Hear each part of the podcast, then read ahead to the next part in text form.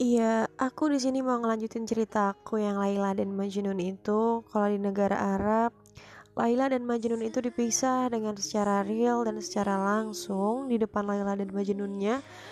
Em, kalau di sini aku dan dia itu beda ya. Kita dipisah memang banget dipisah dan dibilang jangan sampai kamu sama dia berhubungan lagi. Pokoknya Hmm, mama nggak suka dan papa juga nggak mau kamu sama dia terus oke? Kamu cari yang lain. Banyak kan cowok yang suka sama kamu pastinya.